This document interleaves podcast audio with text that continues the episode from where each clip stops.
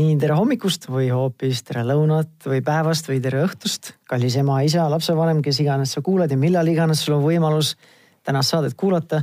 mina olen Tanel Jeppinen ja siis see on Pere ja Kodu podcast või, või veebiraadio. ja tänase saate teema on, äh, ma ei tea, ma ei saa, ei saa öelda võib-olla, et kas tõsine, eks ta ole tõsine ka, aga võib-olla selline mõne mõnele võib tekitada natukene lihtsalt ebamugavust. et äh, selline võib-olla tõsine peeglisse äh, pilguheit. nimelt tänase, täna me räägime siis äh,, ma ei tea, siis lähme, ütleme siis kohe otse nii-öelda nagu sõltuvuslikust käitumisest ja kõige rohkem siis just äh, alkoholi siis kas kuritarvitamisest või väärkohtlemisest ja siis sõltuvusest. just lapsevanemate kontekstis ja selleks on mul äh, stuudios külaline Kaja Heinsalu, tere. tere väga hea meel, et sa võtsid aega, et täna tulla ja rääkida oma, oma kogemusest ja oma, oma siis ekspertiisist. ja mul on ka väga hea meel selle kutse üle ja hea meelega alati tulen, kui on võimalus sellel teemal rääkida, mis tegelikult peaks puudutama lähemalt või kaugemalt peaaegu igat Eesti perekonda. arvestades seda, et meil on statistika järgi kuuskümmend tuhat alkoholisõltlast umbes sama palju kuritarvitajaid juurde ja kõikide nende lähedased, siis äh, kui see kõik kokku liita, siis see on tegelikult väga-väga suur arv inimesi, keda igapäevaselt väga palju see väga tõsine probleem puudutab. ja no ilmselt ei ole meid väga palju kuulajaskonnas ka, kes, kellest see, see teema nagu suure kaarega mööda käinud, et nad üldse ei ole sellega kokku puutunud ühel või teisel tasemel aga natukene kuulajale ka konteksti, et Kaja on Confido sõltuvusravikeskuse juht ja nõustaja. ja täna ta siis ei räägi ainult siis raamatutarkusest, aga aastaid-aastaid tagasi on tal olnud ka endal väga isiklik kontakt selle tänase teemaga. et kas sa hästi, oled sa nõus hästi-hästi lühidalt ja kompaktselt siis sellise sissejuhatuse teha just sellesse, et kuidas su enda isiklik kontakt on selle teemaga olnud? no ma võin öelda, et ma olen tervenenud sõltlane ja viimased kakskümmend kolm aastat olen ma küll elanud äh, täiesti kainena. aga ma võin täna siiski öelda, et äh, ma olen alkohoolik, see tähendab seda, et äh, minust ei saa enam mitte kunagi normaalset alkoholipruukijat ja ainult täielik karskus on kõige kindlam viis, et oma elu juhtida mm. -hmm sest on... alkoholi, alkoholismi vastu ei ole ühtegi kindlat ravimeetodit. ja kõige kindlam viis on mitte joomine mm. -hmm. see on sinu selline isiklik nagu en, en, enda tund, tundmisest tuleb selline seisukoht? ei, see ei ole minu enda see, tundmisest tulev seisukoht, vaid äh, jätkuvalt on meditsiin võimetu mm -hmm. ravima alkohol, selles suhtes, et tegema nagu, et inimene, kellel on juba kord sõltuvus välja kujunenud, et temast võiks saada normaalne alkoholipruukija. on erinevaid ravimeid, meiega püütakse seda himu taltsutada, et seda ei tuleks ja, ja et, et, et noh, ka farmaatsiatehas ju tegelikult on kõvasti arenenud nende aastate jooksul aga me ei räägi äh, sõltuvuse puhul ju mitte ainult füüsilisest sõltuvusest. Äh, tegemist on psühholoogilise, sotsiaalse ja vaimse haigusega mm. -hmm. ja see tähendab ka seda, et et paranemine peab toimuma kõikides nendes kategooriates. ja noh, mina muidugi täna ei näe mitte, mitte mingisugust põhjust minna katsetama, kas, mis see klaas veini minuga teeb, et ma leian, et kaine elu on siiski kõige kindlam viis oma elu kontrolli all hoida mm. -hmm. see minu kommentaar oligi just see, et, et sinu enda nii-öelda olukorras või seisukohast, kus sa oledki siis nii-öelda nagu sa ütled, tervenenud sõltlane, et siis sinuga jaoks on see, et mina ise tunnen, et kui ma võtan aeg-ajalt klaas veini, siis on täitsa okei okay,, ma ei näe iseendal selles probleemi. ma arvan, et inimene, kes noh, on terve inimene selles osas, et me räägime, alkoholism on ajuhaigus. Yeah.. ja umbes kümme protsenti inimestest on sõltlased, üheksakümmend protsenti on siis need, kelle puhul me ei räägi haigusest. Ja nende puhul klaas veini ei ole mitte mingisugune probleem ja ma natuke noh, kuulaja ei näe muidugi ise natukene muigan selle peale, kui sa ütlesid, et terve inimene, eks, et terve on väga subjektiivne. aga me, kui me nüüd nagu, et, jah alkohoolik võib ise ka vaadata peeglist, ma olen terve inimene, ma olen normaalne, kõik on korras nagu, mis te tahate minust nagu. et äh, või noh, see, kus läheb siis see normaalsuse piir kuritarvitamise ja väärkohtlemise ja siis normaalse tarbimise, seal on ka nagu ma ei tea, kas seal on meditsiinilist piiri kuskil, et see on ikkagi väga subjektiivne kõik ju. noh sõltuvus on progresseeruv haigus ja kujuneb mm -hmm. välja aja jooksul ja kui me oma sõltuvushäire äh, alguses kohe puutuks kokku nende tagajärgedega, millega sõltlane siis juba ka mingisugusest tõsisemas faasis kokku puutub, siis me tegelikult noh, suurem osa inimesi ilmselt nendest ei saaks kunagi sõltlasi. et äh, mina ütlen, et noh, et see niisugune roosa tarvitamise faas, kus äh, teismeeas tavaliselt hakatakse alkoholi tarvitama, kus see on nagu selline avastatakse enda jaoks midagi väga ägedat ja, ja, ja nagu sellise heaolu ja, ja õnnevalemi oled avastanud, et noh, et seal minna nüüd rääkima inimesele, et tead, et tegelikult see on väga-väga halb. et noh, see on suhteliselt mõttetu ja, ja., ja suurem osa nendest inimestest siiski ju nendest ei saa sõltlasi ja me tegelikult ei tea kunagi päris täpselt, kellest saab ja kellest ei saa mm -hmm. päris täpselt. praktiliselt mitte kunagi me ei tea seda. ja no eks see teismelise aju nii nii või teisiti ei ole nagu tegelikult välja arenenud ja on palju vastu, vastuvõtlikum erinevatele nii-öelda, ma ei tea mürkidele ja nii edasi, üks asi, aga teine asi aju arengu poolest ka, et teismelistes on, nad käivad juba läbi sellise kasvufaasi, kus see riskikäitumine on lihtsalt sagedasem kui teistes inimese nii-öelda võib-olla vanuse, vanuselistes faasides või, või, äh, või noh, vanu, vanuseliselt.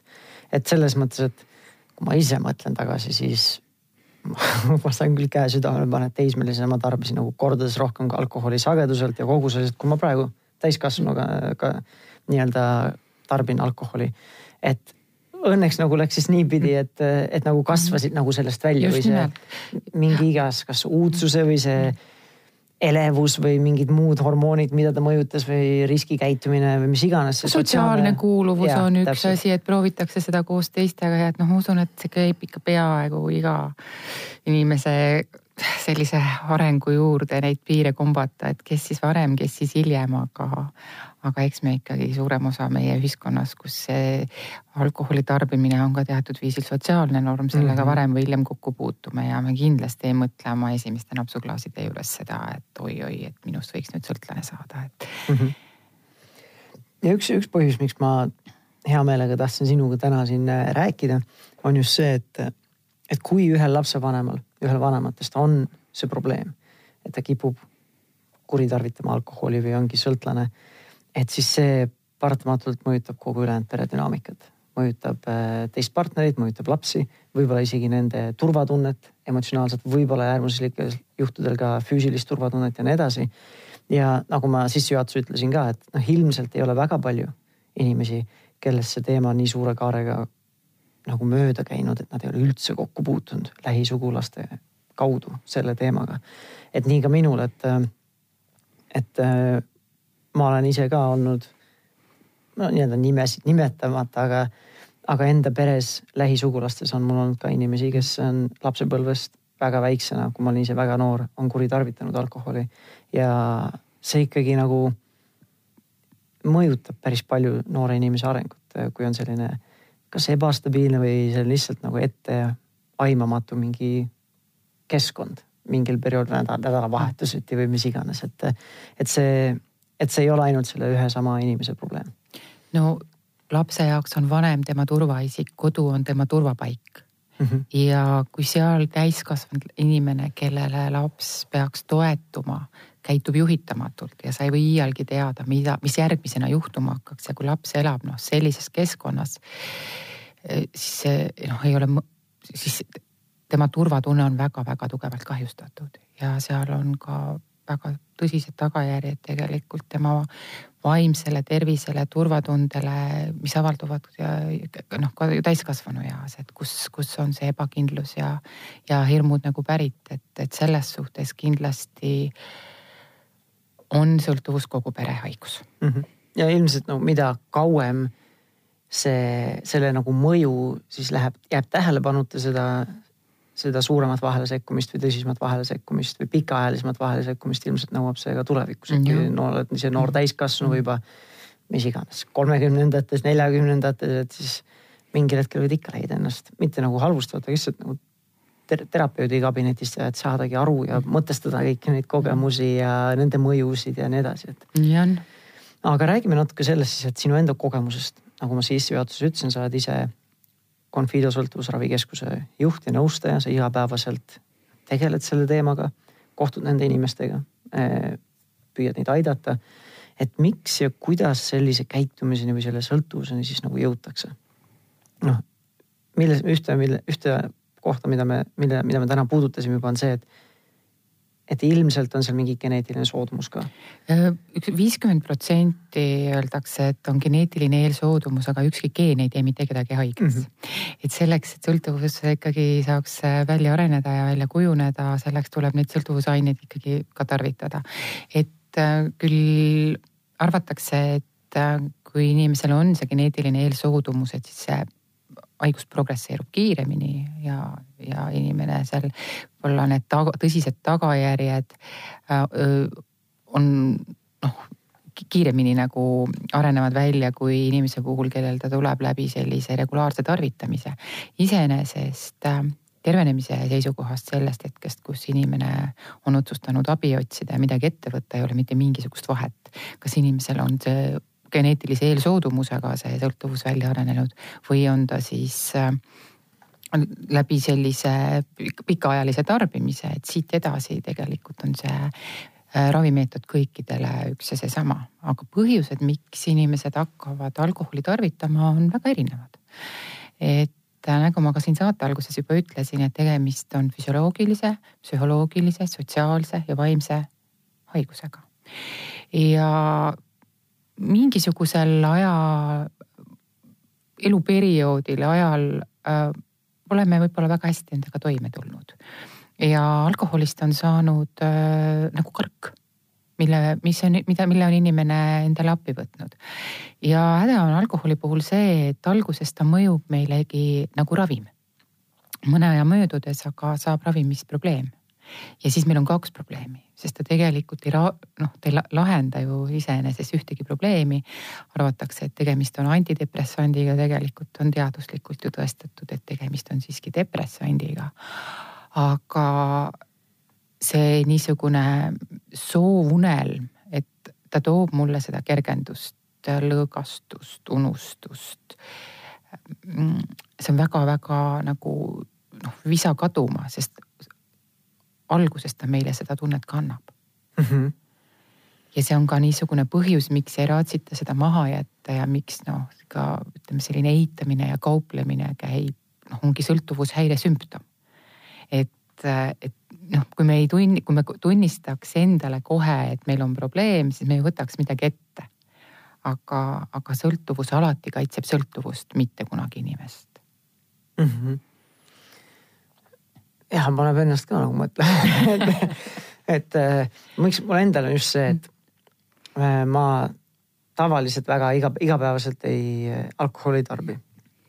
aga ma lihtsalt viimase üks, üks hetk nagu mõtlesin paar nädalat tagasi, et ostaks endale pudeli veini koju, ostsin endale pudel punast veini ja siis ma umbes iga päev klaasikese võtsin, pokaali, et ma arvan, et umbes viie, kuue-seitsme päevaga nagu jõin selle veinipudeli ära.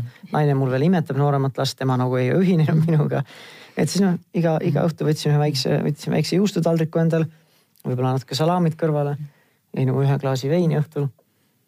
mõnikord mängisin lauamängu samal ajal äh, naisega, teinekord äh, tegid midagi muud lõõgastavat.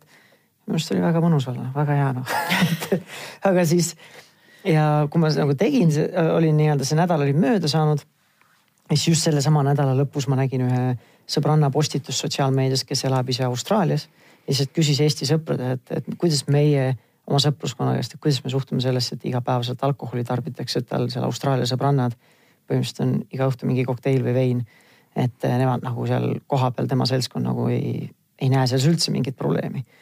ja siis ma nagu hakkasin mõtlema, et mina ise ka nagu ei näe selles probleemi, ma nüüd pudel veini ja nädala jooksul ära jõin, aga kas ma nagu, kas ma nagu peaks arvama, et see on siis probleem või, või kas ma näen tonti seal, kus seda, seda ei ole nagu no?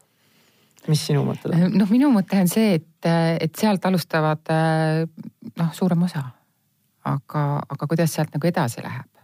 et ühel päeval saab sellest pudelist veinist võib-olla kaks ja, ja, ja nii edasi, eks ju. et loomulikult klaasis veinis või noh, ma ei ole nagu, ma mõnes mõttes mõtlen, et, et ega ei ole ju, tegelikult ei ole alkohol tervisele kasulik ja kõik need lood, et kuidas see noh, mis, mis noh, me tahame leida neid, et kuidas ikka see mingi kogus alkoholi ikka, ikka mõjub ikka hästi ja nii edasi, on ju, et noh, ma ütleks, et on oluliselt kindlam on leida omale teisi tegevusi ja, ja lõõgastusvahendeid kui alkohol, sest seal on oht, et, et see asi läheb käest ära ja me ei tea seda mitte kunagi kellega meist see võib nagu juhtuda. ma ei ole küll ühtegi inimest oma elus kohanud, eh, kes oleks hakanud tarvitama alkoholi selle mõttega, et temast saab sõltlane.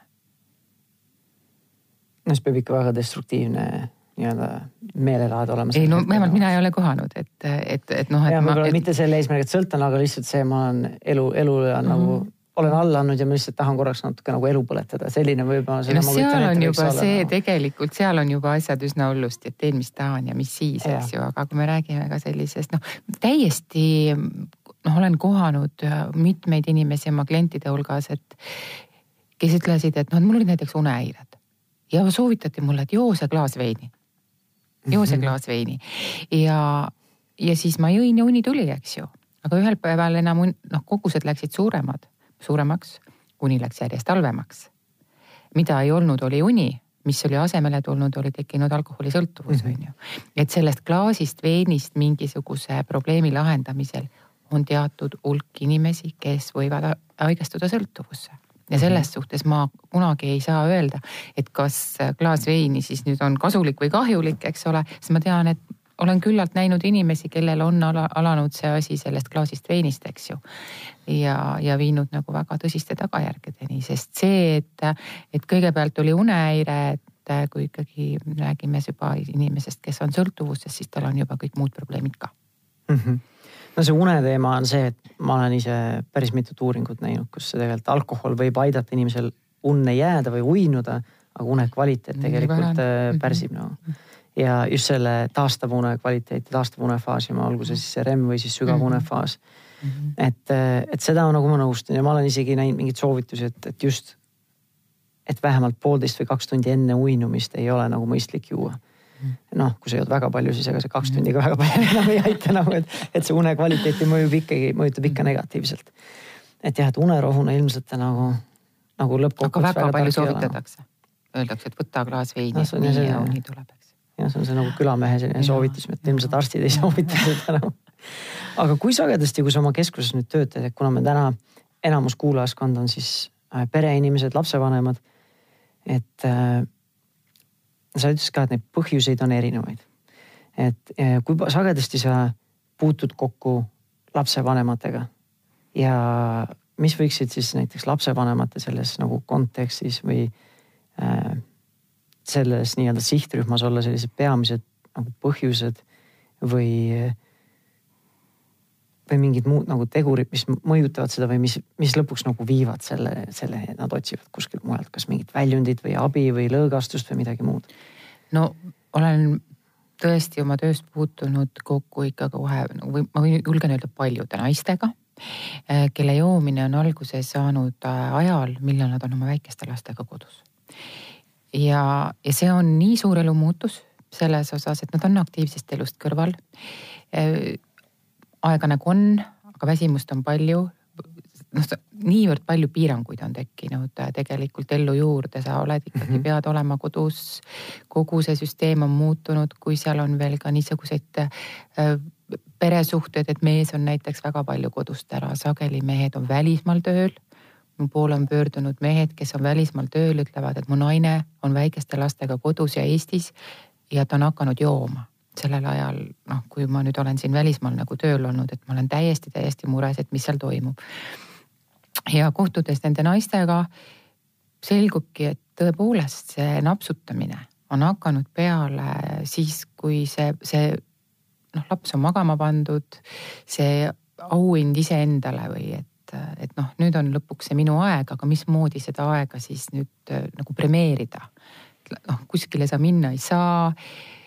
mingeid erilisi võimalusi sul ei ole ja sellest alkoholist äh, ja, ja heast veinist, sellest klaasist tundub, et noh, et see ongi selle päeva nagu tipphetk, et, et auhind iseendale ja, ja klaasist saab kaks ja, ja, ja kahest klaasist saab pudel veini ja kui see muutub igapäevaseks tarvitamiseks, siis äh, asi tegelikult järjest süveneb ja süveneb, kuni lõpuks jõutakse minu vastuvõtule. et mis siis nüüd, mis siis nüüd nagu toimub, et kas tõesti on võimalik, et ma olen haigestunud sõltuvusse aga mis see siis nagu on, on see mehhanism seal, et tõesti nagu tahaks nagu endale pai teha ja õlale patsutada, et nüüd oled hästi hakkama saanud, päev on õhtusse veeretatud, lapsed magavad, et nüüd ma väärin siis midagi iseenda jaoks või on see hoopis tegelikult nagu peidetud saamatus mingite pingete või muutuste või stressiga hakkama saada. või äh, hoopis nagu mingil määral nagu igavuses, sest see võib nagu üksluine olla, nüüd ma tahan midagi täiskasvanulikku teha või ta võib olla nagu... kõike seda mm, -hmm. absoluutselt kõike seda, et, et noh, et mis, millele inimene nagu leevendust otsib, et alkohol on üks niisuguseid lihtsamaid viise tõsta oma heaolutunnet. et, et mis tähendab see, et me jääme purju, on ju väga lihtne. dopamiini tase meie ajus tõuseb ja me tunneme ennast paremini mm. -hmm. aju jätab selle meelde ja tahab seda korrata, kas siis siin ei ole mitte mingisugust suurt kosmoseteadust, eks ju mm -hmm.. ja, ja meil on teatud käitumine, et ta on, seal on päästikud, seal on harjumused, seal on need auhinnad iseendale, on ju.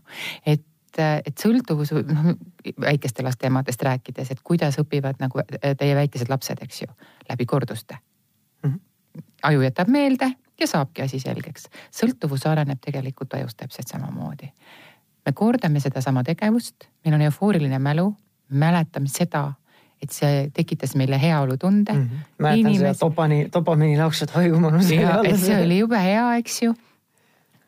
naudinguvajadus inimesel, esimese astme vajadus ja mis siis on juhtunud sõltlase ajus, on see, et dopamiini regulatsioon on häiritud ja inimene ei tunne ja ei saa seda rahuldust enam ilma, et ta neid keemilisi aineid äh, kasutaks sageli pöörduvad naised äh, siis depressiooniga arsti juurde, varjates seda, et nad tegelikult joovad. ja, ja ei tea ju kunagi seda, et, et alati ei tähenda seda, et, et inimese, inimesel on depressioon sellepärast tekkinud, et ta joob. võib olla ka depressioon tegelikult ka niisugune esmane diagnoos. häda on ainult selles, et kui me ravime siis seda depressiooni ravimitega ja samal ajal joome edasi, siis need ravimid meile ei mõju. ja, ja kui me ka ikkagi inimene ei mõista nagu, nagu laiemalt seda, kui tegemist on sõltuvusega, et milliseid äh, noh, mida veel tuleks nagu ette võtta, et hakkama saada selle olukorraga, siis, siis on need äh, tagasilangused äh, noh, ikkagi üsna sisse kirjutatud sinna, et kui ma lihtsalt hambad ristis nüüd kujutan ette, et ma nüüd enam ei joo siis mingi aeg see võib ju õnnestuda, aga, aga kahjuks üksi on üsna keeruline sellega jätkusuutlikult toime tulla mm. -hmm. no ma mõtlen juba sedasama stsenaariumi, mis sa rääkisid, et, õhtul tahaks nagu ise seda nii-öelda trofeed või auhinda endale anda, et nüüd on eh, nagu hästi läinud ja tahaks nagu endale midagi teha, et siis. et nüüd, kui täiesti nii-öelda neutraalselt proovida kõrvalt vaadata, siis on juba väga lihtne nagu näha, et see on nagu ei ole võib-olla väga terve nähtus nagu, et vahet ei ole, mis see, mis su nii-öelda see jutumärkides see mürk siis on, et võtad sa seda äh, alkoholi, alkoholiklaasi või pokaali on ju, või hakkad siis hoopis emotsionaalselt sööma, et ennast hästi tundma panna mm -hmm. või siis äh, mingi, mis iganes muu riskikäitumine võib sealt mhm. tulla, et äh, noh, meeste puhul on sagedasti see, et mingi lähen mängin arvutimängu näiteks noort mm, -hmm. no minu põlvkonna inimeste või meeste, meeste hulgas, et lähen sukeldun kuskile sinna, no ei ole. tänapäeval vist väga palju ei räägita sellest, aga eetriväliselt rääkisime ka, et võib olla vabalt tegelikult pornosõltuvus mm -hmm. ja nii edasi, et et, äh, et kui ma juba nagu seongi selle, et heaolutunde mingi tegevusega, et siis see sõltuvus võib nagu tekkida päris, tundub vähemalt kõrvalt vaatan päris lihtsasti. ja võib muidugi. mis siis teha no? selle asemel, et kui ma tahaks nüüd ennast premeerida, kui ma tahan ennast, endale nii-öelda ennast tunnustada kasvõi iseendas ongi, kui mul partner on kuskil välismaal tööl ja nüüd olen üksinda mega raske päeva hakkama saanud mm või me juba nädal otsa no iga päev tahaks ennast premeerida, mis ma siis teen, kui ma nüüd ei või, ei, ei võib-olla ei ole hea mõte võib-olla šokolaadi süüa, ei taha emotsionaalseks sööjaks hakata, ei taha võib-olla veini võtta, mis ma siis teen? No eks tuleb leida uued äh, lõõgastusviisid, et, et vein ja, ja, ja šokolaad noh, ei, ei ilmselt ei sellega nagu see list ei piirdu, aga. no see on päris võrdusmärkiga sinna, tavaliselt need ei ole päris sama, sama tasemel asjad. aga ei, ka šokolaad on tõepoolest üks asi, mida võib omale päevas nagu päris kõvasti sisse süüa ja selle eest tohutult süüd tunda. ja mm, -hmm. ja noh, siin on kaalutõusud, millega omakorda kaasneb jälle enesehinnangu langus ja siis tekib see niisugune lõputu ring aga. mis on sellised praktilised soovitused, mida siis, mismoodi siis lõõgastada, mismoodi siis tunnustada iseennast või oskad sa mingeid praktilisi asju öelda, mida selle asemel proovida teha või kuidas sellele läheneda, sellele olukorrale üldse või? vot kui inimene on väsinud õhtul mm, -hmm. siis mina soovitan minna magama lihtne öelda, pahal on raske ja, teha no.. ja see ma ise, on. ma lihtsalt korra vahel, ma ise töötan kodukontoris mm. -hmm. õhtuti lähevad sagedasti nii-öelda mm, -hmm. mis sagedasti lähevad, õhtul õhtuti lähevadki lapsed varem magama ja siis ma kasutan seda õhtuaega, et nii-öelda tööd, tööd teha. -hmm. ja siis ma teen tööd arvuti taga ja siis ma olengi lõpuks nagu see see töö tegemine õhtul hilja on nagu selle tahtejõu nagu nii, reservuaari nagu nii tühjaks tõmmanud, et ma tean, et ma olen väsinud, ma pean mm -hmm. magama minema yeah.. ja siis võtan selle nutitelefoni lihtsalt harjumusest kätte ja siis mängin mingit sudokut, mingit täiesti mõttetut asja. pool tundi vaatan juba meelde läinud ja mis ma tunnengi sellepärast, kui ma nüüd proovin seda analüüsida, et ongi see, et ma. üks asi on juba harjumuslik, teine asi on siis see, et ongi see tahtejõud, see ressurss on nagu täiesti tühjaks juba nii-öelda mhm. lastud selle kõikide muude nõudmistega, mis igapäevaelu nagu nõuab, võtab, onju. Et siis lihtne öelda muidugi, et mine magama, ise loogiliselt tean ka, tean järgmine hommik, et oleks pidanud mhm. magama minema. sel hetkel, kui ma juba lähen voodisse, oleks pidanud pool tundi magama minema tegelikult vajab ikkagi siin seda muutust terve, terve, terve see süsteem ja sellesse mm -hmm. ka, kui on ikkagi ilmnenud, et ühel pereliikmetest on sõltuvushäire ja tullakse meie juurde ravile siis me hakkame inimese seda nädalat ja päeva kaupa ühiselt äh, kavandama sellisel viisil, et, äh, et sa ei teeks kodus tööd nii hilja. Mhm. tõepoolest, et mis on need äh, kõige esmased asjad, millest me alustame.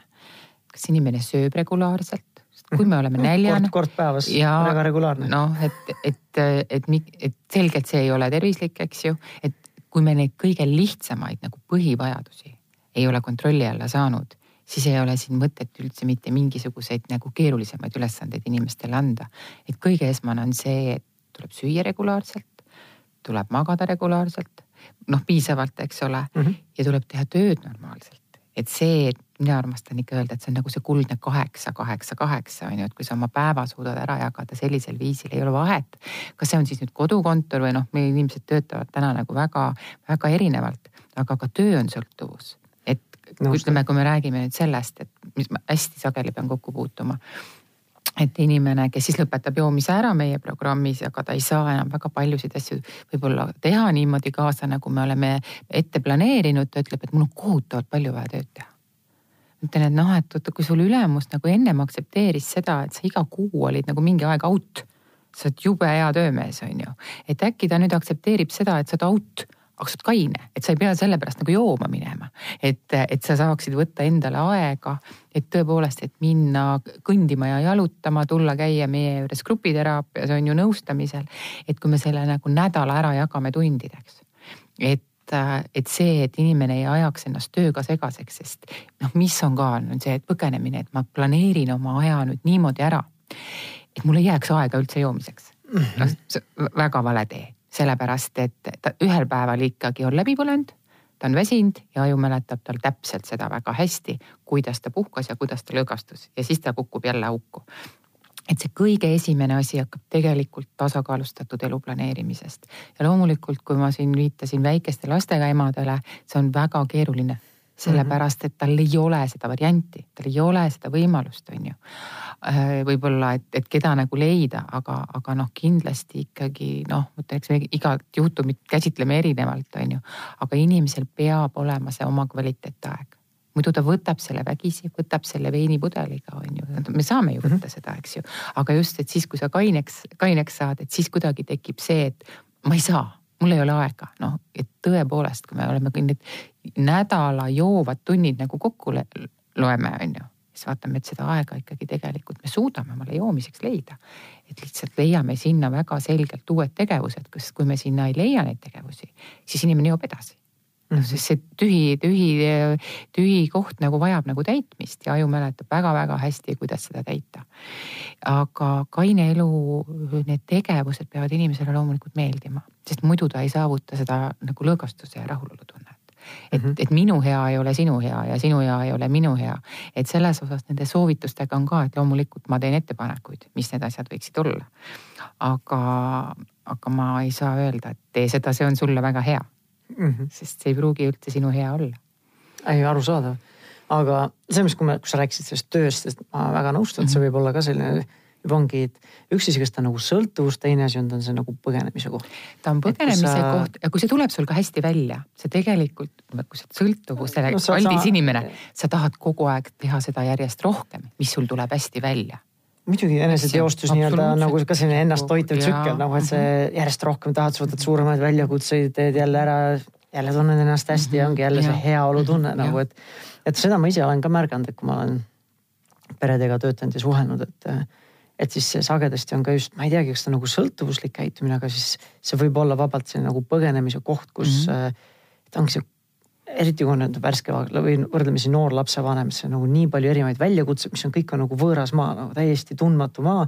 ja siis ma, ma enne teen nende, tegelen tööasjadega, mis ma tean, mis on, kui ma lähen vaatan seda suurt hirmutavat võõrast nii-öelda tundmatut nii-öelda väljakutset, siis ma nagu ennem ma tegelen sellega, et nagu pigem nagu peidan ennast või põgenen ära mingite väljakutsete või mingite ülesannete või kohustuste, kohustuste eest ja siis matan ennast sinna nagu töösse. Äh, aga sellega ma nõustun väga, et äh, ole sa värske lapsevanem või, või teismeliste lapsevanem, et seda äh, oma aega on vaja ja teine asi nagu, mis sa ütlesid ka, et see just kvaliteetaeg, mida nagu raske nagu kvaliteeti mõõta.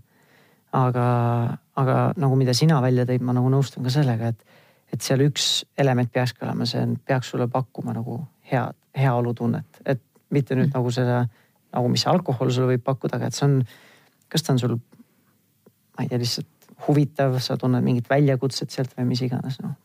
olgu see siis sotsiaalne elu, mm. minna sõpradega välja, lähed sööd kooki, sööd, jood teed, mis iganes. Lähed mängid, teed sporti no,. Palvetamisest kalapüügini, et noh, et kõik meditatsioonid, aga, aga noh, trennisaal, selles suhtes jällegi sama lugu, et mitte minna jälle sealt edasi, et liig-, noh, trennisõltuvuse teine no,. kui sa ükskõik, kui sa praegu hakkasid nimetada kalapüü, kalapüügi ka, ma olen näinud küll mehi, kes seal kaheksa tundi istub seal Emajõe kaldal Tartus seal suvel, et nagu no, ilmselt see on ma ei tea, kas on nüüd see, et sa nüüd veedad kvaliteetaega või sa lihtsalt ei taha koju minna nagu, et aga kui sa ei kahjusta sellega iseennast ja teisi, eks ju, et me räägime noh, inimesed ongi sõltuvad, me oleme sotsiaalsed mm -hmm. olendid täna sünnist alates sõltuvad kõigest, mis meie ümbruses toimub. aga sõltuvuse puhul on see just, et noh, et kas ta on sundkäitumine, kas ta on mind kahjustav, kas ta on teisi kahjustav, et kuidas ta mõjutab mind, minu perekonda. kas ma suudan ja. sellest loobuda ka siis kui vaja on, eks ju, või ma teen seda nagu mingi sunniviisiliselt. see on hästi lihtsustatud, kas on nagu liiga lihtsustatud või kas saab nagu kuidagi nagu tõmmata mingi piir sinna ka, et ähm, et nagu ajaliselt või kui, kui, kui palju sa nagu sellega tegeled, nagu doos põhimõtteliselt, et samamoodi, et nagu alkohol, et sa võid alkoholimürgitsuse saada, kui sa liiga palju jood või sa võtad ühe, ühe klaasi nagu, et see nii-öelda see doosist juba see, et. et kui sa kalal käid tõesti kaksteist tundi päevas või sa käid mm -hmm. nädalas kolm tundi noh või kaksteist tundi päevas, et siis kas ta on nagu terve käitumine või mitte või see on nagu liiga lihtsustatud? ma pigem võib-olla tooks siia kõrvale nagu sellise skeemi, et, et et, et niisugune ennast nagu testida, et kuidas minul selle asjaga on, eks ju. et kui me võtame alkoholisõltlase, siis tal on tegelikult kolm seisundit. Äh, ta kas joob, on mhm. pohmellis mm -hmm. või on järgmise jooma ootel. see tähendab, et see ootelperiood on see, kus ta tegelikult planeerib, mõtleb äh, ja tegutseb selle nimel, et ta pääseks sellest kas töölaua tagant, oma perekondlikest kohustustest. et lõpuks ometi noh, saaks nagu tegelikult jõuda selleni, et saaks nagu juua. sa tõid kalapüügi sisse, ma tõesti suure, ei tea kalapüügist midagi, kui me räägime sõltuvuskäitumisest, siis ma kujutan ette, et, et tõesti siin võib paralleeli tuua, et noh, et võib-olla kalamees, kes noh, ka sellel muul ajal mitte millelegi muule ei suuda mõelda, kui mm -hmm. sellele, et kuidas saaks kalale et, et sa tegelikult ei suuda üldse keskenduda enam mitte millessegi, et sa kogu aeg tahad sinna nagu minna. ja, ja, ja noh, et, et see tegelikult noh, võib-olla annab hea võimaluse endasse vaadata mingite muude tegevuste puhul ka on ju, et kui ma seda tegevust, nutisõltuvus, eks ju, et kui ma juba mingi aeg ei ole saanud vaadata telefoni, siis ma muutun täiesti närviliseks, on ju, mis seal nagu on, et mm, -hmm. et siin hiljaaegu oli väga-väga huvitav telesaade nendest nutisõltlastest ja tõesti niisugused tõsised võõrutusnähud, eks ju, ja mm. -hmm. et kui võtta need ära, on ju, et noh, et äkki seal midagi on, mis tähendab, aju tahab midagi uut kogu aeg ja, ja see nutisõltuvus on ju ka selle pealt, et ja, toodetakse meile uus kogu aeg nagu. seda uut. äkki ma jään ilma millestki. äkki ma jään millestki ilma nagu. ja see paneb kogu aeg nagu lappama, et inimesed ei ole nagu enam kohal, ei ole iseendaga, oma mõtetega ei suuda üldse olla. Nad kogu aeg otsivad seda uut sealt.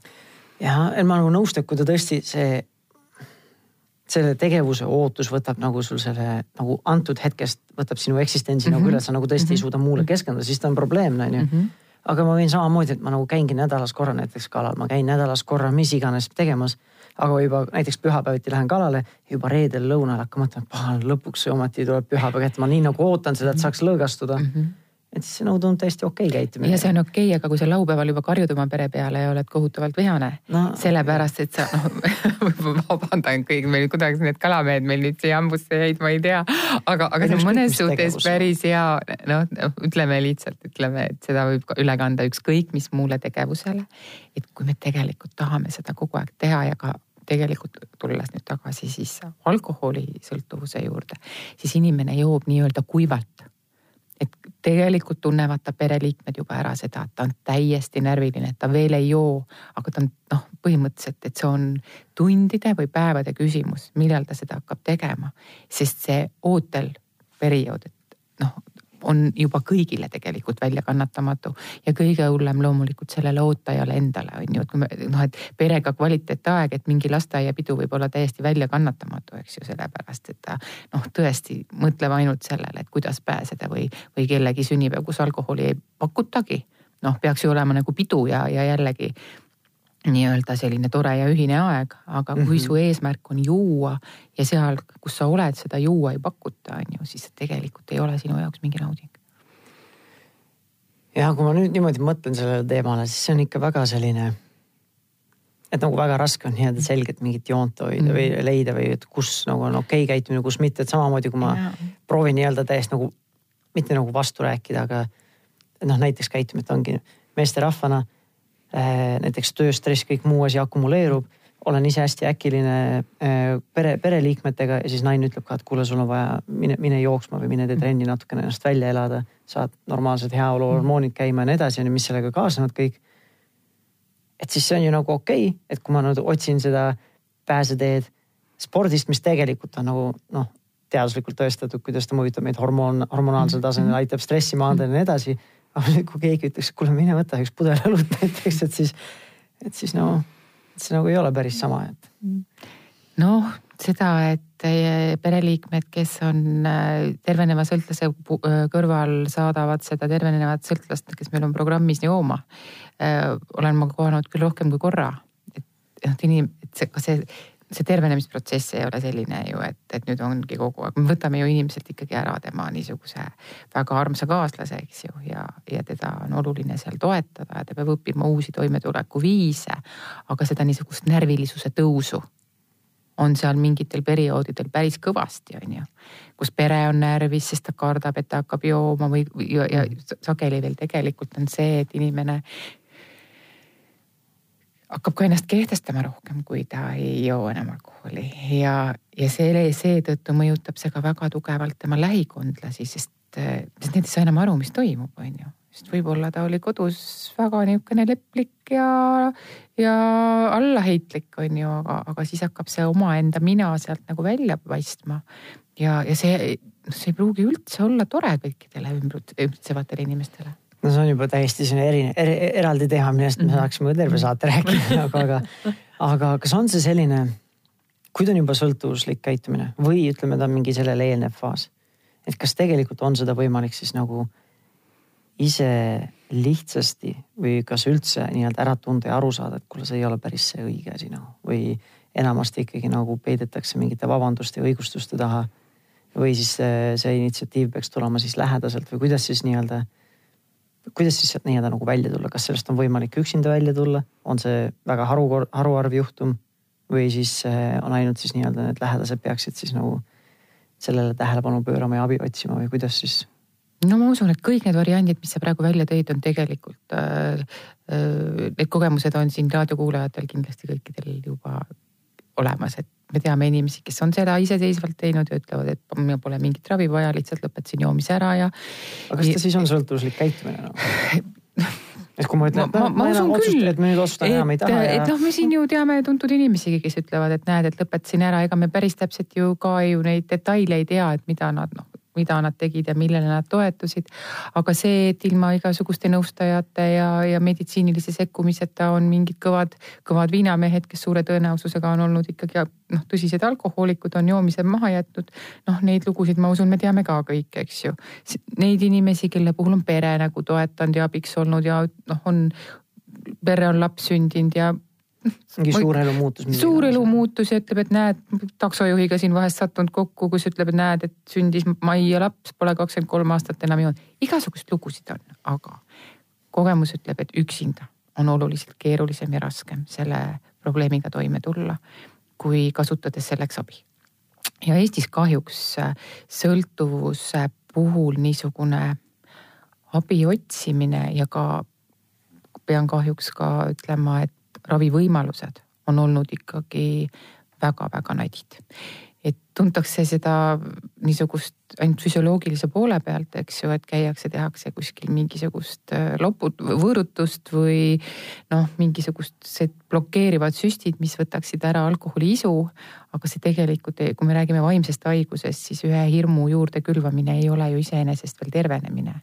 või tegemisest on, et uued uus keskkond, ka niisugune toetusvõrgustik inimestest, kes on läbinud samad raskused ja, ja kes enam ei joo, on oluline sellise nagu sotsiaalse elu poole peal mm. -hmm.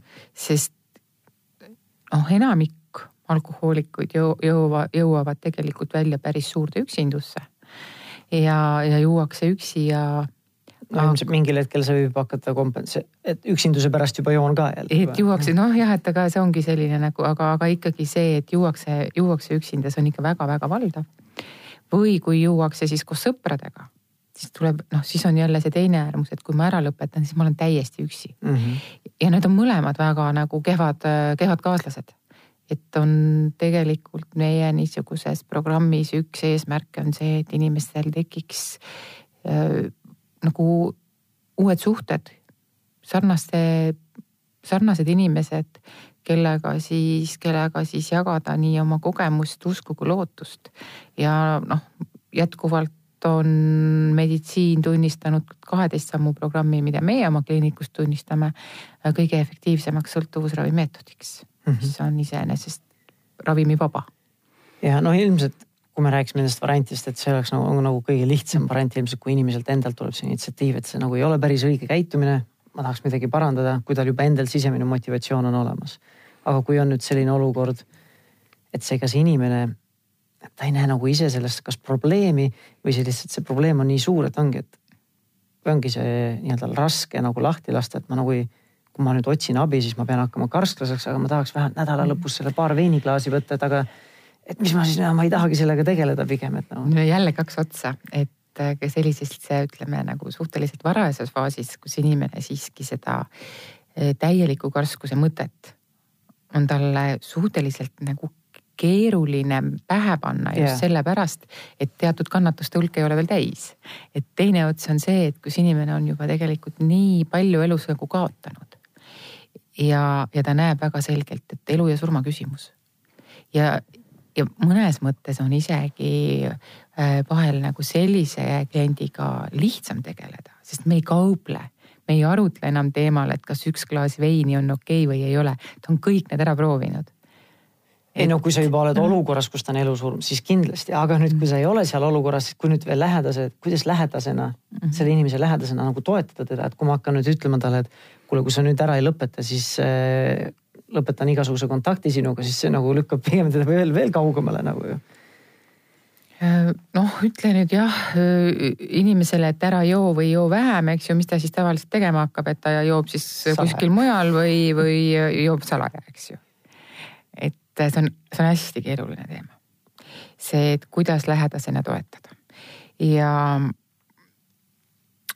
kindlasti niisugune info jagamine Äh, ka ravivõimaluste äh, suhtes ja mul käivad paljud inimesi, kus nad tulevadki koos pereliikmega, pereliikme nõudmisel näiteks tullakse nõustamisele.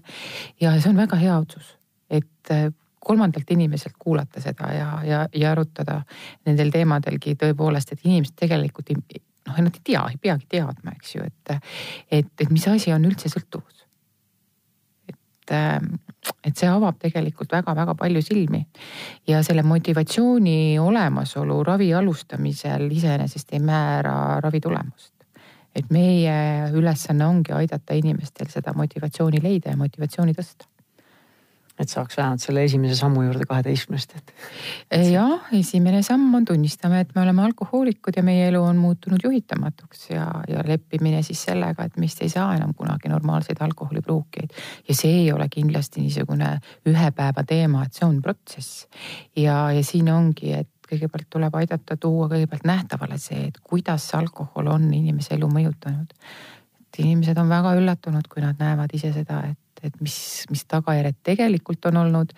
ja, ja kui me siis läheme nagu, nagu liikvele võib öelda selle kaine eluga, et kui seame eesmärgiks siis päev korraga mm, elada kainena. ja kui seal juba kuu ajaga ütlevad inimesed, et tõesti, mu mälu on paranenud, ma suudan keskenduda, ma olen rahulikum, mu füüsiline tervis on nagu parem siis, siis hakkab tekkima ikkagi usk sellesse, et ka, et see kaine elu vist on tõepoolest parem kui joov elu. et kui seda kogemust ei ole, siis, siis alguses see targut, targit targutamine, et noh, et sa jood liiga palju ja joo vähem, on ju, ajab tegelikult ikkagi inimest põhimõtteliselt ainult närvi mm. -hmm aga need faktiettepanekud ikkagi noh, sageli ikkagi tullakse siis, kui kas pannaksegi ultimaatumi ette või kolitakse välja või noh, kus siis, kus tegelikult keegi peab lõpetama selle mingil viisil et see ei saa mm -hmm. nagu jätkuda, et kui need on niisugused lõputud ähvardused kogu aeg on ju ka. aga, aga noh, muidugi pereliikme poolt oleks ikkagi oluline äh, pakkuda nagu lahendust ja see lahendus ei ole see, et sa pead lõpetama joomise või muidu ma lähen ära, eks ju, et noh, et midagi tuleb ette võtta. et seal on ju ikkagi noh, kindlasti on juba üht-teist võib-olla ka siis proovitud ette võtta mm -hmm. ja, ja kui need lubadused noh, on lubaduseks jäänud, siis on selge võib-olla märk sellest, et selle inimese puhul siiski on vaja kõrvalist abi, et hakkama mm. saada. ma mõtlen jah, et kui sa lihtsalt ütled äh, sõlt-, sõltlasele, et kuule ära enam joo, ära enam tee seda, siis võib umbes samamoodi olla hane selga vesi, nagu ütled vihasele inimesele rahune maha noh jah, ja me räägime haigusest, et noh, et miks me siis nagu teiste haiguste puhul ei ütle, et kuule ära nuuska. jah.